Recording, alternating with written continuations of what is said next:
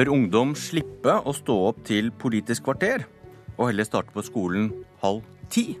Fordi hjernen deres fungerer annerledes. Vi spør de som måtte stå opp, Torbjørn Røe Isaksen og Audun Lysbakken. Og kunnskapsministeren er oppriktig glad for at SV-lederen nå velger skolepolitikken. Det var nesten så vi ikke merket det. Audun Lysbakken gikk ut av helsekomiteen og inn i utdanningskomiteen på Stortinget. Og lukke døren forsiktig bak seg, men Politisk kvarter har lyst til å slamre litt med dørene. Velkommen, Audun Lysbakken. Takk skal du ha. God morgen. Da du gikk inn i helsekomiteen etter at du ble valgt til leder i SV, var begrunnelsen det er her den store velferdskampen vil stå. Gjør den ikke det lenger? Jo, men husk at jeg har sittet i helsekomiteen faktisk i nesten fire år. Eh, og brukt den tiden til å utvikle helse- og omsorgspolitikk for venstresiden. Eh, vi hadde kampen mot stoppeklokken i eldreomsorgen som en av de viktigste sakene våre i kommunevalget i høst. Men den eh, jobben har jo nå bl.a. Inga Marte Torkelsen kunnet ta over som eldre- og helsebyråd i Oslo. Eh, og vi er i gang med å gjennomføre det som var mitt store prosjekt i eldreomsorgen, nemlig å erstatte stoppeklokkene med tillitsreform, både i Oslo og flere andre kommuner. Men det er på helsesektoren fremdeles du vil si da at den store velferdskampen vil stå? Jeg tror kampen om hvorvidt vi skal ha et fellesskapsvelferdssystem eller et mer kommersialisert eh, velferdssystem i fremtiden, i veldig stor grad avgjøres der, ja. Og da er spørsmålet, Hvem skal da sitte i helse- og omsorgskomiteen for SV på Stortinget? Nå skal Karin Andersen være vår general på eldreomsorg. Eh, og så skal Torgeir Knag Fylkesnes ha ansvar for sykehuspolitikken. Spørsmålet var hvem som skal sitte i denne viktige komiteen? Ja, Vi har dessverre fire komiteer vi ikke er medlemmer av. og Derfor så bytter vi litt. Nå skal vi sitte i næringskomiteen ut uh, perioden pga. den høye arbeidsløsheten. Og så skal vi komme veldig sterkt tilbake i helsekomiteen etter valget neste år. Men jeg får det ikke helt til å stemme, for hvis trusselen fra regjeringens politikk er like stor, og den store velferdskampen den står på helse, så skal ingen sitte i helsekomiteen? Men vi jobber jo intenst med helsepolitikken. Eh, vi jobber nå med kampen for lokalsykehusene. Og som jeg sa, så er jo det som har vært vårt kanskje aller viktigste prosjekt på eh, helse og omsorg, kampen mot stoppeklokkene, nå noe vi har mulighet til å gjennomføre i de kommunene der vi har fått makt eh, etter høsten. Og Derfor var dette et passende tidspunkt å gjøre det på. Vi har nå utviklet politikk. Vi har uh, uh, skapt nye ideer på helse- og omsorgsfeltet. Nå må vi prioritere litt annerledes resten av perioden. Det er rett og slett fordi vi er et lite parti som ikke kan sitte i alle komiteene. Så vi prøver å gjøre en jobb på så mange felt som mulig. Uh, og nå får vi muligheten til å jobbe med næringspolitikk i større grad resten av perioden. Fordi vi mener vi har et godt utgangspunkt for å Eh, bli med og skape en eh, god helse- og omsorgspolitikk hvis vi får et nytt flertall. Nettopp pga. den jobben som er gjort i man, de siste man, årene. Man kan jo spørre om det skyldes andre ting. da. På de fire årene du var helsepolitiker, hvor, hvor mange nye velgere har kommet til SV? Jeg tror at eh, vår jobb på eh, helsefeltet de siste årene uh, har vært en viktig investering. Det var et enkelt spørsmål. Hvor mange ja, men Jeg vet ikke hvor mange som har stemt SV pga. helsepolitikken. Det, men det vi vet, er at vi i valgkampen i høst uh, hadde en, en, positiv utvikling, gikk fram gjennom valgkampen. Og en av de sakene vi løftet høyest, var eldreomsorgen. Jeg tror faktisk at uh, det behovet for å erstatte stoppeklokkeomsorg med tillitsreform, med økt bemanning i eldreomsorgen, var en av de sakene som gjorde at vi gikk fram i flere av de store byene i Norge. Ja, Svaret er vel at dere ikke har fått så oppsl større oppslutning fra da det, du sa dere skulle Jeg driver politikk ut fra hva vi mener er viktig. Eh, SV er et parti som brenner for fellesskapet. Vi mener fellesskapet fungerer. Det er det vi kjemper for i helsepolitikken. Er for så vidt det vi kjemper for i skolepolitikken også. Eh, og de to tingene henger sammen. Vi er et parti som står for noen verdier som vi kjemper for i alle de viktige politiske arenaene som finnes både på Stortinget og i kommunestyret. Vi har jo nå en eh, fantastisk mulighet til å gjennomføre helse- og omsorgspolitikk fordi vi har erobret posisjoner i så mange kommuner. Og nettopp det at Inga Marte Torkelsen er en av våre mest profilerte politikere nå skal være byråd for det feltet i Oslo, viser jo hvor høyt SV prioriterer helse- og omsorgspolitikken. Vi lukker døra til helsekomiteen. Velkommen som skolepolitiker. Takk. Velkommen kunnskapsminister Torbjørn Røe Isaksen. Tusen takk. Hvorfor er du glad for at Lysbakken nå valgte utdanningskomiteen? SV har jo sittet i utdanningskomiteen, men jeg ser vel kanskje på det som en, en måte for SV å Eller de mener vel at de trenger enda høyere profil på utdanning i utdanningspolitikken, siden Lysbakken er partileder. Og jeg syns, jeg må bare innrømme helt ærlig, at jeg har alltid likt å diskutere skolepolitikk med SV. For SV er et helhetlig og veldig ideologisk alternativ til eh, det nåværende flertallets eh, skolepolitikk. Kanskje i motsetning til Arbeiderpartiet kan være litt vanskelig å få tak på av og til. Det er litt vanskelig å vite hva de mener. Bare ta et eksempel som heldagsskolen. SV er veldig klart for heldagsskolen, vi er veldig klart mot det. Arbeiderpartiet sier at de vil ha en helhetlig skoledag, uten at det egentlig bringer oss noe nærmere hva de egentlig mener. Men du husker knapt rød-grønn skolepolitikk. Da SV hadde ministeren, sa du til VG. Det rimer ikke helt med det du sa nå? Nei, det var vel en, Audun Lysbakken sa at jeg var en idéløs administrator, så da tenkte jeg at da må jeg si noe frekt tilbake. så du husker så jeg husker, husker mye altså, av, av rød-grønn skolepolitikk. Først og fremst så ble jo de åtte årene preget av at de rød-grønne, eller den nye regjeringen, gjennomførte Kristin Clemet sitt store kunnskapsløft. Og Det var den viktigste skolereformen vi har hatt i Norge siden 90-tallet. Eh, det var viktig, men den ble dessverre eh, ikke så godt gjennomført som den kunne blitt. Og så var nok det som fikk mest oppmerksomhet, var alle de tingene i skolen som ikke dreier seg om kunnskap. Og Det er jo det som er kanskje det viktigste skillet mellom SV og regjeringen. At vi er eh, opptatt av kunnskap. Vi er opptatt av at barna skal kunne lese, skrive, regne. Vi er opptatt av at skolens aller viktigste oppdrag er å lære barna det de trenger for å klare seg resten av livet. Isaksen var en ideolog. Nå har han blitt en administrator, sa du. Hva mener du med det? Så, Torbjørn Røe Isaksen har alltid vært en politiker jeg har hatt stor respekt for, fordi han har vært en visjonær politiker. Eh, men i tiden som kunnskapsminister så har det blitt veldig vanskelig å få øye på de store visjonene for norsk skole. Og uansett hva du spør denne regjeringen om i skolepolitikken, så er det ett svar. Og det er mer etter- og videreutdanning av lærere. Og det har vært et stort og viktig prosjekt som Røe Isaksen har gjennomført. Men det er veldig vanskelig å få øye på andre.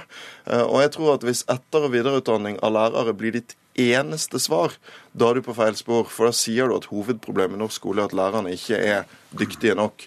Jeg tror hovedproblemet i norsk skole er noe helt annet. Det er at lærerne er for få, sånn at det blir for lite tid til en tilpasset opplæring til hvert enkelt barn. Og at vi har en skoledag som ikke er godt nok tilpasset det livet moderne familier faktisk lever og de ungene som ikke lykkes godt nok i skolen i dag.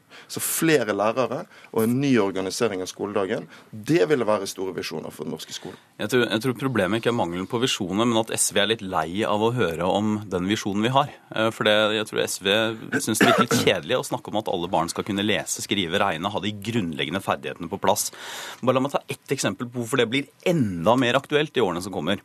Én ting vi vet helt sikkert, det er at de barna i Norge som er født i Norge, er norske, men har minoritetsbakgrunn, altså foreldre som har innvandret til Norge, de gjør det systematisk og konsekvent, i hvert fall statistisk sett, dårligere på skolen enn barn med norsk-norsk bakgrunn.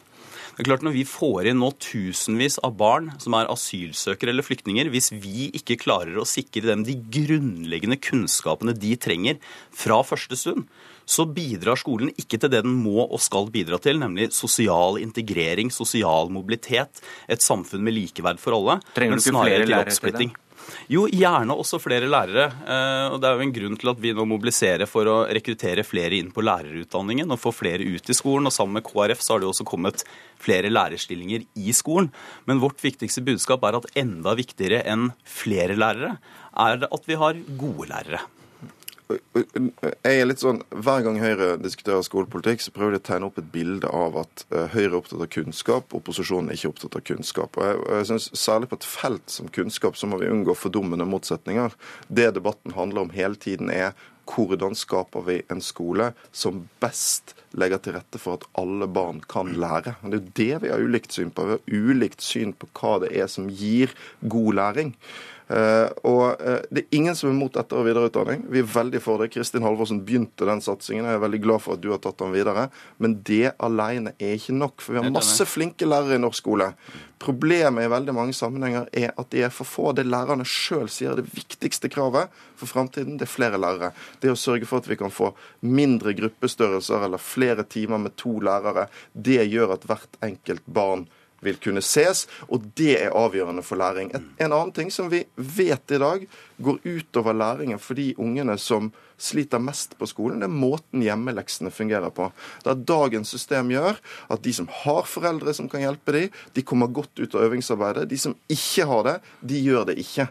Derfor må vi gjøre noe med hjemmeleksene. Legge de inn i skolene med lærer til stede. Den typen reformer det vil jo føre til læring for de ungene som trenger det mest, og som kommer for dårlig ut i den skolen du styrer i dag. Men det er helt riktig at vi er eh, opptatt av kunnskap. Eh, og det er helt riktig at SV av og til kan si at de er opptatt av det også. Men la, bare ta, ta, ta, la oss ta testen. La oss ta f.eks. heldagsskole, som er et av SVs aller største løft. Det er ikke flere lærerstillinger i seg selv, men det er heldagsskole som er det største løftet til SV. Du begrunner jo det Audun Lysbakken, med at det er bedre tilpasset et moderne familieliv. Jeg har aldri hørt SV stille seg spørsmålet er dette best for barna? Eller la meg si det på en annen måte, hvis vi skal stille spørsmålet hvordan skal barna lære mer på skolen, er heldagsskole da svaret? Eh, det er ingenting som tyder på det fra andre land. Det er ingenting som tyder på at det å utviske skillet mellom fritid og skole skal gjøre barna bedre rustet til livet senere. Med andre ord så har SV da valgt bort kunnskapspolitikken ja, og valgt isteden en heldagsskole som ikke bidrar til kunnskap. Dette er sånn tåpelige forenklinger. For det første så skal vi først innføre en nasjonal uh, norm for flere lærere i norsk skole. Det er det viktigste for læring. For det andre så er heldagsskolen et ufattelig viktig læringsprosjekt. Flytter du leksene inn i skoledagen, så får alle hjelp med øvingsarbeidet. Skaper du større rom for de praktisk-estetiske fagene, så lykkes de barna som lærer best praktisk. Og mat og fysisk aktivitet har noe å si for læring. Men i tillegg så syns jeg det er bra om vi kan skape en skole okay. der ungene trives, og der det er sunt å være. Og det høres ut som Høyre overhodet ikke er opptatt av det. Jeg tror trivsel og læring også har en sammenheng. Jeg vil gjerne at barna skal ha det bra på skolen. Jeg har lovet at vi skal se på et forslag fra helgen. Vi må rekke det også. Eh, mange fullfører ikke videregående skole, og mange kunne kanskje gjort det bedre på skolen. Og så har vi hørt at ungdom som legger seg før klokken 11 på kvelden, får bedre karakterer. Det er kanskje ikke deres bord å få dem i seng, men Hege Ulstein i Dagsavisen ja, ikke sant? Men Hege Ulstein i Dagsavisen i helgen så foreslår hun at ungdom får sove lenger om morgenen. Begynne senere på skolen enn i dag fordi hjernen deres fungerer annerledes. Døgnrytmen deres er forskjøvet. Er det en god idé, Røe Isaksen? Eh, det, det, kan hende, det. Altså, jeg har faktisk tenkt at det er rart at ikke noen skoler forsøker seg på det, i hvert fall. Eh, og reglene, for å ta det formelle først, så, det, så er reglene sånn at eh, skolen skal i utgangspunktet, altså i hovedsak, som hovedregel ikke begynne før klokken åtte og være ferdig innen halv fire. Så innenfor det, og det gjelder ikke videregående skole da, så innenfor det rommet der så er det mulighet til å starte senere hvis man ønsker. Men som så minister nok... så kan vel du pushe på det hvis jo, du mener jeg, at dette jeg, er jo, en god idé? På, som på mange andre områder så mener jeg at dette er noe som kommunene og skolene kan finne ut selv, og som de ikke trenger dikt dekreter fra, fra nasjonalt hold og fra Oslo-gryta for å finne ut. Eh, men det betyr at det er mulighet til det. Hvis man har lyst til å gå enda et steg lenger, så er det mulig å søke om forsøk også for å få det til. Eh, og så er det noen praktiske problemer knytta til arbeidstidsavtalen til lærerne og sånn. Eh, men det er jo også mulig å se om man kan forhandle seg, forhandle seg fram til et forsøksprosjekt f.eks. For lokalt. Så jeg har ikke noe imot hvis man har lyst til å prøve på det. Det kunne vært spennende å se. Er du enig i den forskninga det vises til her, at ungdom fungerer på den måten? Lysbakken? Altså, skal passe seg veldig for å si om man er enig eller uenig i forskning. Det er veldig interessant. er det godt nok dokumentert? Det er, det er veldig interessant at forskningen viser det. Eh, la, la meg begynne der, da. fordi at utgangspunktet her For den debatten har jo ofte vært sånn og er, er ungdommen for sløv til å klare å stå opp om morgenen og sånn. Uh, det uh, ville kanskje ikke vært noe å bekymre seg så mye over. Men det som vi nå ser, er at mye hjerneforskning tyder på at tenåringenes hjerner fungerer på en måte som gjør at dagens skoledag ikke er optimalt lagt opp. Så jeg skulle gjerne sett forsøk. Og SV har faktisk tatt initiativ til noen forsøk. tok dette opp i opplæringsutvalget i Rogaland nylig. Der kommer det tilbakemelding fra administrasjonen denne uken. så opplæringsutvalget ekspertutvalget der skal, skal, diskutere det. Vi har også foreslått det i Vestfold.